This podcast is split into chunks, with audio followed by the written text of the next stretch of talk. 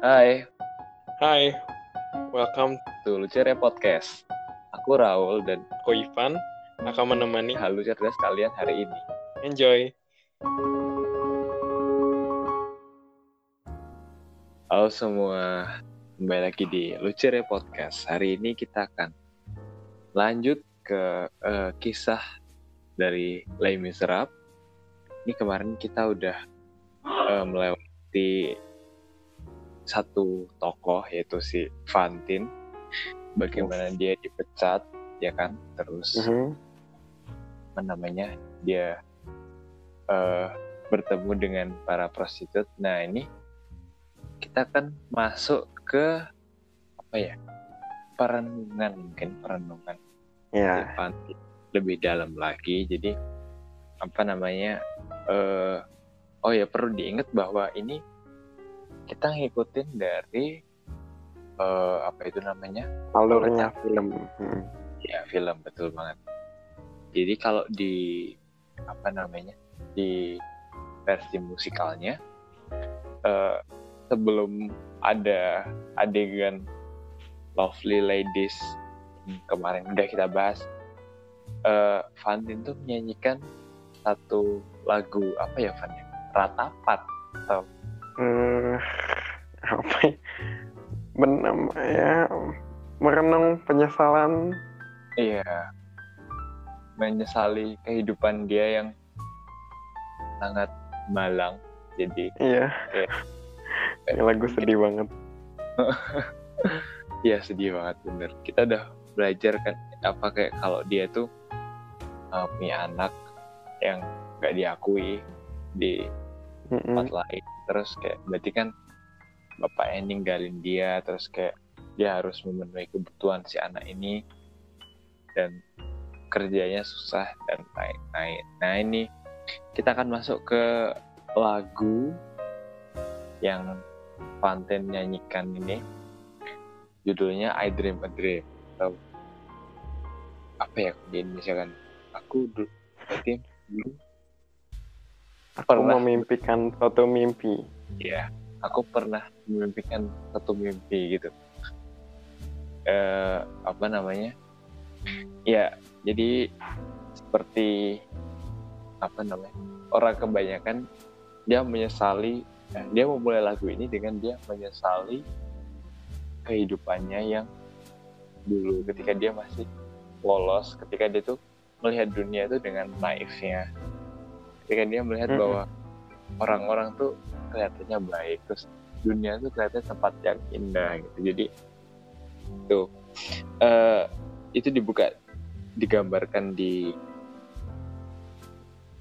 bait pertamanya. Jadi kayak dia menceritakan bahwa dulu tuh eh, ada masanya ketika dia melihat orang-orang tuh semua baik terus kayak suara mereka lembut dan kata-kata mereka tuh mengundang gitu. Lalu bagaimana cinta itu buta dan apa dunia itu pokoknya tempat yang sangat indah sangat menarik gitu. Dari mata naif si Antin muda ini. Nah terus eh, lagu ini berjalan jadi bagaimana si Fantin yang naif ini dia melihat dunia dia adalah dia masih muda dan dia tidak takut. Eh, terus eh, ketika dia tuh nggak harus memikirkan nggak usah mengkhawatirkan eh, tentang makanan yang harus dibayar. Ya jadi dia kayak ini dia kayak flashback gitu. Jadi eh, Mhm. bagaimana dia dulu melihat dunia, bagaimana dulu dia akhirnya bisa istilahnya ah, jatuh ke kehidupan yang ini. Nah, jadi karena dia itu adalah orang yang naif dan dia eh, tidak punya rasa takut, dia mencoba banyak hal dan dia ya seperti yang ada di ceritanya dia kenal dengan seorang laki-laki. Ini digambarkan di lagu ini laki-laki ini kayak tiger kayak harimau gitu yang datang di Hmm. malam hari dengan suara yang soft as thunder jadi itu gimana ya Van soft itu kan lembut tapi Ah ya menarik sekali ya. jadi kayak mungkin apa ya kelihatan Diam-diam mematikan. iya iya bener banget diam diam mematikan dan ternyata nggak cuma diam diam mematikan ternyata dia menghancurkan harapan si Fantin ini. Mimpi-mimpi masa mudanya semuanya itu dihancurkan. Bagaimana menghancurkannya? Ya ini digambarkan di lagu ini kayak He slept a summer by my side He filled my day with endless wonder. Jadi sa- selama satu musim panas tuh dia tidur bersamaku dan mengisi hari-hariku dengan eh, endless wonder dengan keindahan iya yang mengagum apa? Hal-hal mengagumkan yang tidak seolah tidak pernah berakhir gitu. Heeh. terus itu dia he took my childhood in his stride but he was gone when autumn came. Jadi apa? Eh itu yang di bagian terakhir ini jelas banget.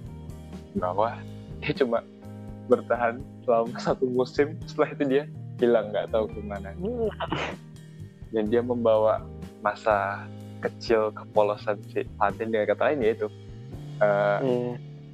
dia istilahnya ya dinodai dan apa ini berarti mereka tidak dalam hubungan pernikahan dan ya itu tadi eh, si cowok yang tidak bertanggung jawab ini secara tidak langsung dialah yang membawa Fantin ke kehidupannya sekarang. Dan kata lain dia udah menghancurkan mimpi-mimpi masa mudanya dia mengambil kehormatannya. Karena eh, mungkin aku udah kita udah bahas di episode sebelumnya eh, ketika masa itu memang hubungan apa ya di luar pernikahan itu suatu yang sangat sangat tabu dan dipandang rendah Heeh. masyarakat. Jadi ya itu tadi.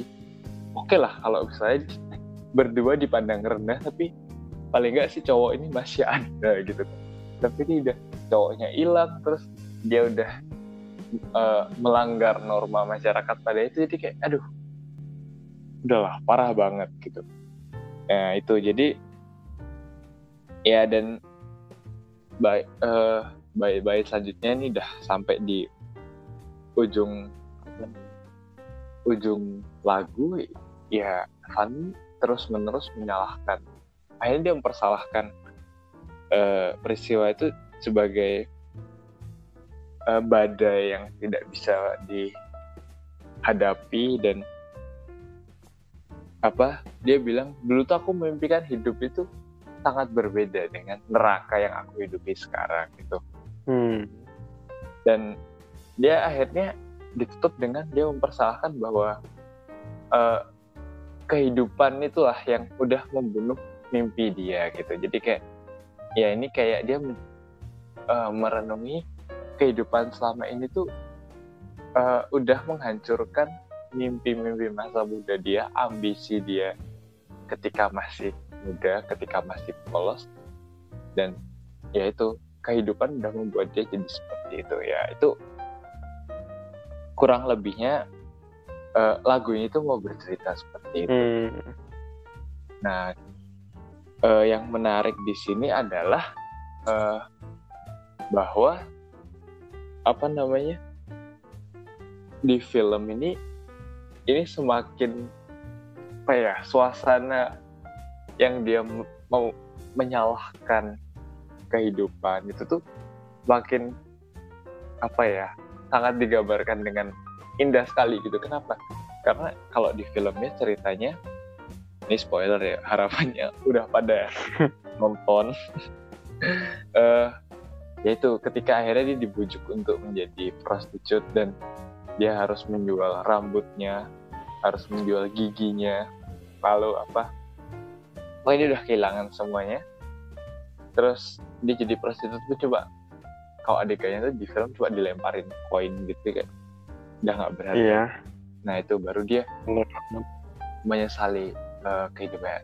Terus kayak dia mulai ngeliat ke belakang oh ah, ini tuh apa namanya bukan seperti yang aku mimpikan aku dulu pernah bermimpi sesuatu yang indah gitu dan apa itu nyanyinya sampai itu gak sih Van? Sampai kayak eh Iya, iya luar biasa dia. Iya, soalnya Hah? gini juga kan apa namanya di film itu kan film Les Miserables itu mereka uh, aktor dan artisnya itu uh, nyanyi live. Hmm, hmm, nyanyi live. Jadi nggak nggak pre-record gitu nggak. Jadi kayak mereka nyanyi di tempat gitu. Makanya kayak Wow, suasananya itu dapat banget gitu. bener bener. Dan ini Gitu. kayaknya dapat penghargaan ya si siapa Anne Hathaway gara-gara iyalah ah, kayaknya tuh dia nominasi best supporting role atau apa ya? Nanti kita harus sih. cek lagi. Dia iya dia ya gimana dia sampai apa namanya potong rambut beneran gitu Hmm. biar mendalami perannya tuh luar biasa gitu lah. Ya. Dan apa ya itu bisa dilihat di adegan ini waktu di film. Eh, Hmm. penjiwaannya apa udah kelihatan banget deh itu kayak benar-benar orangnya hidupnya habis dihancurkan makin hancur lagi gitu kan kayak dia udah. Hmm. udah hidup susah karena harus ngurusin anaknya terus dipecat terus masih harus jadi prostitut biar buat nyambung kehidupannya masih rambutnya dikepras habis eh, giginya dia aduh. Dan cuma dihargai aduh udah kayak binatang gitu. Iya ya ampun. bener-bener titik terendah dalam kehidupan gitu. Jadi wah bagus banget. Dan apa ya aku juga melihat sebenarnya yang di musikal pun nggak kalah bagusnya Eh, Hmm. beda ya. Maksudnya penjiwaannya itu nggak seperti dengan suasananya itu nggak kayak di film yang bisa dibangun sedemikian rupa kan.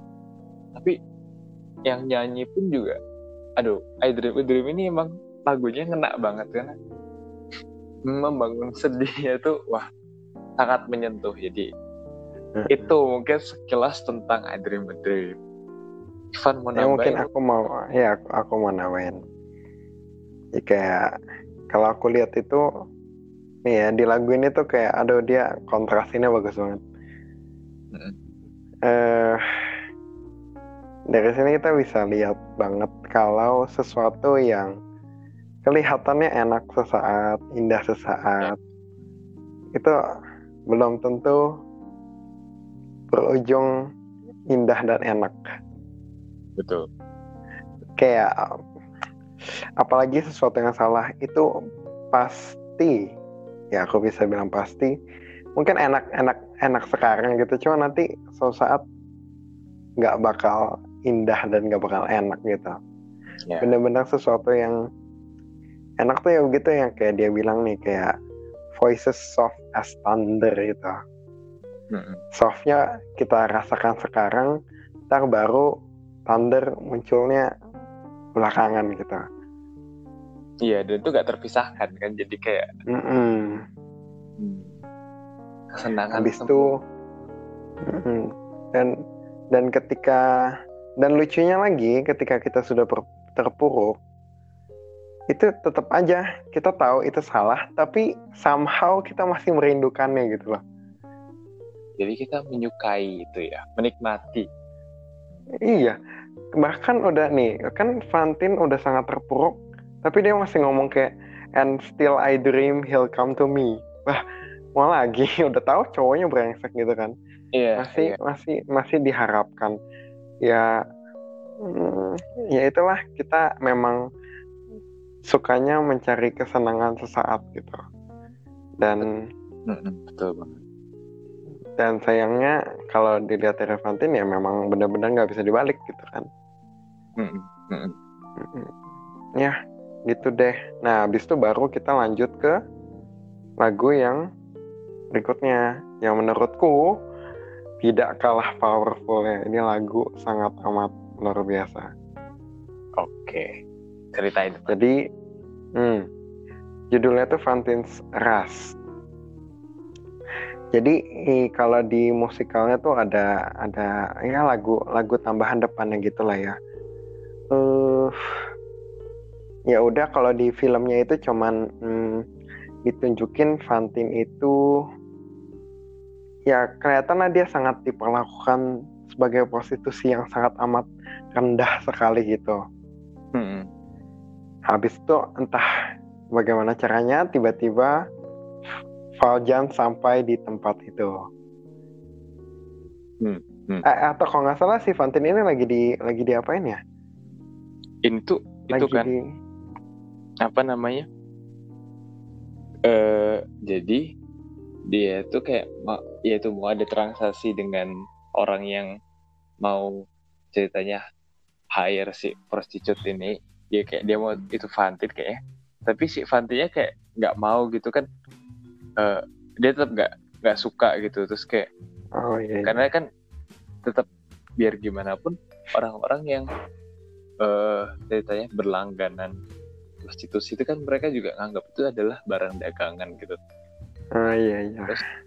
si Fantinya kayaknya itu agak emosi dia nggak terima dengan perlakuan seperti itu dia kayak ngancem mau nyerang nah Oh ketika iya iya betul betul. betul. ketika dia mau nyerang eh ketika dia nyerang nyerang untuk sebenarnya mempertahankan diri Jafar datang nah Oh iya Jafar datang. ini yang jadi itu ya tempat salah pahamnya itu karena ini juga apa sebenarnya menggambarkan situasi masyarakat ya Eh, orang yang eh, diserang ini ternyata yang mau apa nyewa si prostitusi ini adalah orang yang kayaknya lebih terhormat gitu daripada si Fantin. Fantin Mm-mm. kan cuma kayak ya prostitut gitulah. Terus ketika dilaporin pun Jafar ini langsung memihak ke si orang yang apa terhormat ini sih yang warga Iya. biasa ini. Nah gitu terus akhirnya kayak makanya kenapa Fantin arrest karena ini kan si Fantin tuh akhirnya dituduh untuk di- bahwa dia tuh menyerang si uh, orang tadi dan si Jafar tuh baru mau nangkep. Nah setelah itu barulah si Faljan muncul. Oh iya betul betul betul. betul. Nah, kalau lanjutin ya. Oke. Habis itu Fajan nyampe me kan tadinya Jafar udah langsung kayak mau mau nangkep Fantin kan ya kayak sosok si Jafar ini kan kita ingat lagi sekali lagi dia adalah orang yang sangat amat gila dengan hukum Iya iya.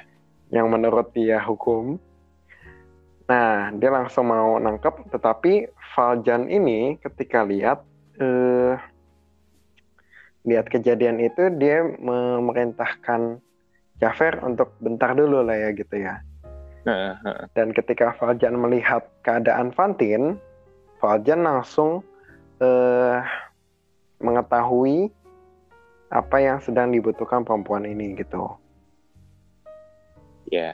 dan dan dan di sini dibilang kayak ya udah Jafar entar dulu udah selesai biarin dia biarin Fantin dia itu Fantin itu butuhnya seorang dokter karena ya memang keadaannya kalau dilihat di film sih sangat amat apa ya udah udah buruk Sakit-sakitan. banget lah keadaannya iya Ya. udah sakit-sakitan banget nah Fajar bilang dia butuhnya dokter bukan bukan bukan butuh eh, apa ya di sini ngomongnya penjara. Heeh. Terus Jafar kan tetap aja kan kayak aduh tapi gitu kan. Hmm. Nah, habis itu Fantinnya kayak wah gila. Nggak kayak gitu sih, cuman maksudnya eh dia tidak bisa percaya dengan ke situasi ini kenapa? Karena si Fantin mengingat mukanya Fajan Mm-mm. gitu kan. Dia mengingat muka Fajan dan di saat yang sama Fajan juga mengingat mukanya Fantin. Mm-mm. Dia kayak apa namanya? Wah, aku pernah lihat mukamu sebelumnya Ya, gitu. kenal. Ya. Gitu kayak "Loh, kok kayak pernah lihat gitu kan. Terus kayak oh yaudah gimana caranya eh, saya bisa bantu kamu gitu kan. Terus kenapa kok kamu bisa ada di sini tiba-tiba gitu kan? Habis itu baru Fantin membuka eh, membuka suaranya gitu. Suaranya maksudnya dia membuka mulutnya itu kayak eh penuh dengan kemarahan gitu. Mm-mm. Karena ya coba bayangkan aja ya kita udah jadi orang yang sangat susah terus terpuruk terus sudah dalam keadaan yang sangat terpojok terus tiba-tiba ada orang yang waktu itu merasa eh, yang waktu itu menurut kita yang memecat kita Iya, secara nggak langsung kayak bikin dia kepecat kan. Iya gimana sih terus tiba-tiba kayak sekarang sok baik gitu nih bisa dilihat dari Fantin bilang kayak tolong jangan eh, apa ya namanya mencemooh Hmm. saya gitu. Ini saya udah sangat amat susah sekarang karena eh, apa ya pride saya udah hilang Iya. dan salah satu penyebabnya ka- kalau kasarnya ngomong kayak gitu salah satu penyebabnya adalah kamu kamu suruh eh, mandormu mengeluarkan saya gitu. Iya. Habis itu di sini menarik banget. Habis selesai ngomong itu atau nyanyi itu, Fantin ngeludah ke mukanya Valjan. Ini, aduh, ini gambaran yang menarik. Nanti, nanti, nanti, nanti dijelasin ya. Lanjut dulu. Oke. Habis itu Fantin ngomong lagi. Setelah dia mengungkapkan kemarahannya terhadap Valjan, dia akhirnya mulai tenang sedikit habis keludah. Itu memang memang ada ininya sih ya kalau kita belajar di kedokteran. ada ininya nggak sih? Ada urusannya juga. Asik sekali. Gak tau deh. Nah, habis itu I never did no no wrong dia bilang kayak gitu kan ya aku aku nggak salah gitu loh Hmm. sebenarnya gitu. Habis itu Fajan mulai mengklarifikasi nih. Dia mulai nggak enak lah. Mak- maksudnya mulai merasa bersalah. Habis itu hmm, apa namanya eh Fantin udah cuma bisa bilang "Ah, kasih tahu keadaan anak anaknya dia gitu kan. Anak Mm-mm. perempuanku udah mau mati gitu.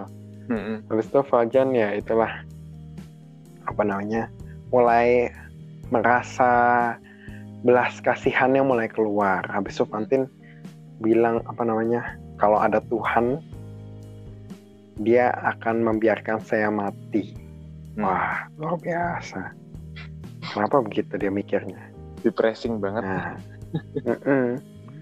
habis itu di sini menarik juga kenapa? Karena jadi kontras.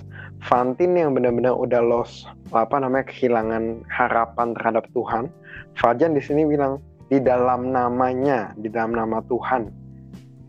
Pekerjaannya Fajan baru mulai. Gitu. Hmm. Hmm. hmm. Fajan itu somehow dia mungkin waktu berbelas kasihan itu dan dia bisa melihat kalau Fantin ini butuhnya dokter bukan eh, penjara karena mungkin dia mengingat dia dulu pernah di posisi Fantin. Nah, istilahnya gitulah ya. Ya. Makanya sekarang ketika ngeliat, oh ya, ini seharusnya dilakukan begitu Ya. adalah mengasihi Iya. itu. Menarik banget. habis itu eh habis itu ya udah Fajan nyuruh. Kan dia punya power nih punya kuasa kan punya jabatan. Suruh eh apa namanya Fantin dibawa ke rumah sakit. Tapi kalau di filmnya digambarin nggak ada yang jalan gitu kan. Iya. akhirnya dia sendiri yang membawa Fantin ke rumah sakit. Digendong. dengan Jafar kayak iya digendong.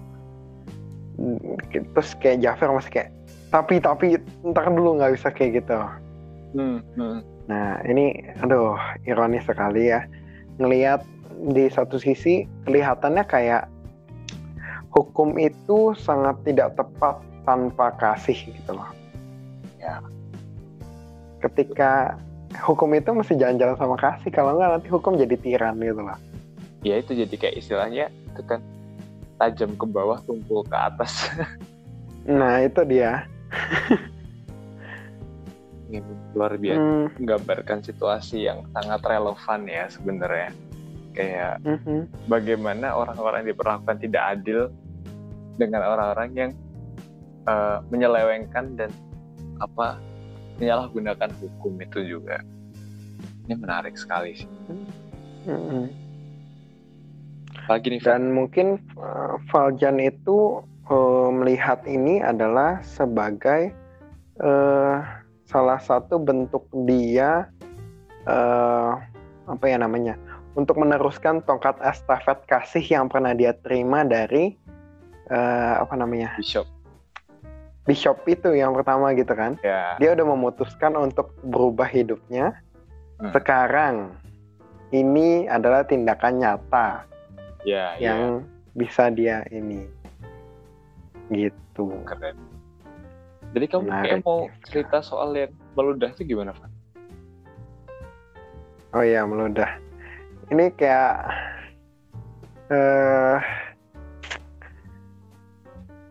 ah gimana ya ngomongnya meludah tuh kayak benar-benar udah kayak marah eh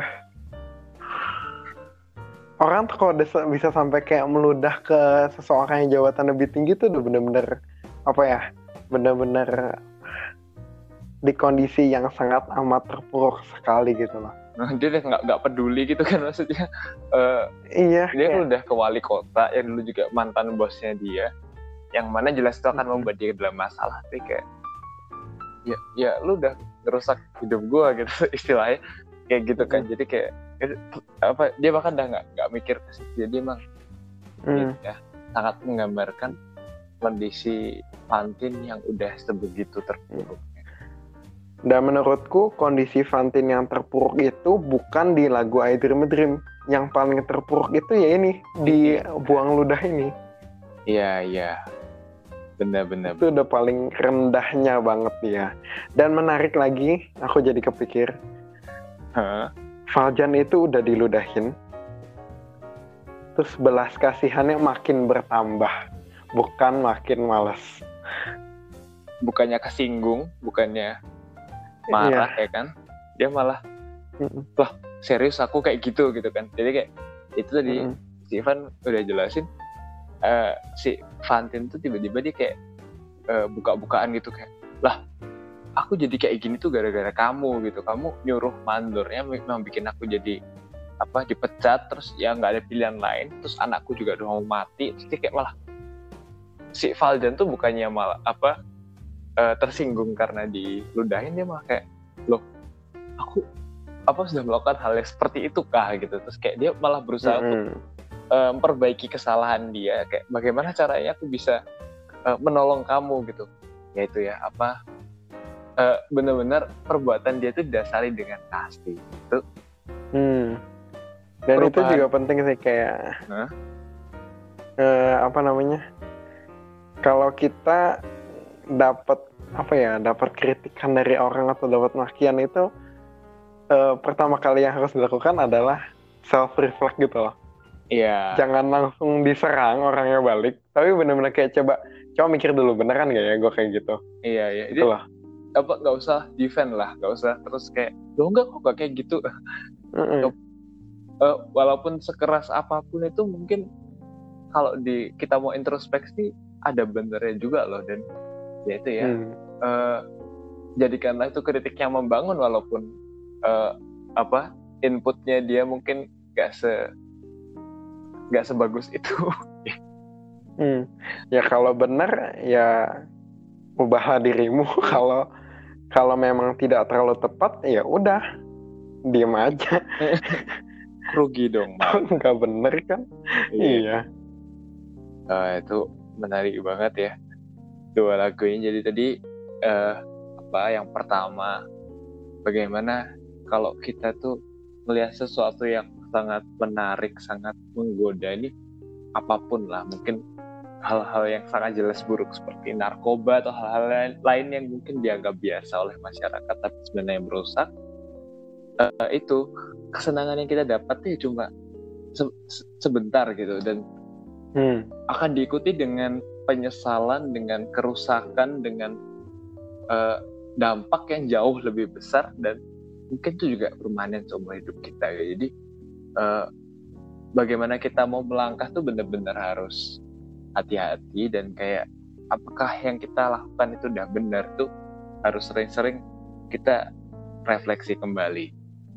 Dan tadi yang kedua di Fantin Arrest ini menarik banget bahwa eh, satu sisi hukum atau peraturan yang nggak ada kasih itu itu bisa jadi salah arah dan malah merugikan orang yang harusnya dilindungi oleh hukum dan ketika kita melakukan sesuatu itu dengan kasih itu itu kita udah menghilangkan ke egoisan kita keakuan kita ya adanya adalah kita hanya mau mengasihi dilakukan Valjan. Dan ini perubahan besar Yes. banget ya, Pak. Dari Valjan yang Mm-mm. bahkan tega nyuri eh, perak-perak punya si Bishop yang udah nolongin dia. Jadi Valjan yang bahkan eh, diludahin sama prostitut ya, iya kan? Ini kan posisinya udah satu wali Ya, kota, betul, satu betul. prostitusi. dia tetap pengen nolong bahkan pengen nolong anaknya nah itu dia Nah, nah, itu udah nanti. agak, udah agak buka-buka ke cerita selanjutnya. Jadi ntar kita masih banyak banget yang akan dibahas dari eh, kisah yang sangat indah dan menginspirasi ini. Eh, mungkin buat episode kali ini cukup ya kan ya? Iya, cukup deh. Oke, jadi tetap nantikan uh, Lucere eh, seri Laimis ini juga seri-seri menarik lainnya dan Yes. cukup ngobrol kita di episode kali ini. Semoga teman-teman tercerahkan dan terhibur dengan kehaluan cerdas kami. Jangan lupa terus nantikan episode berikutnya. See you. See you.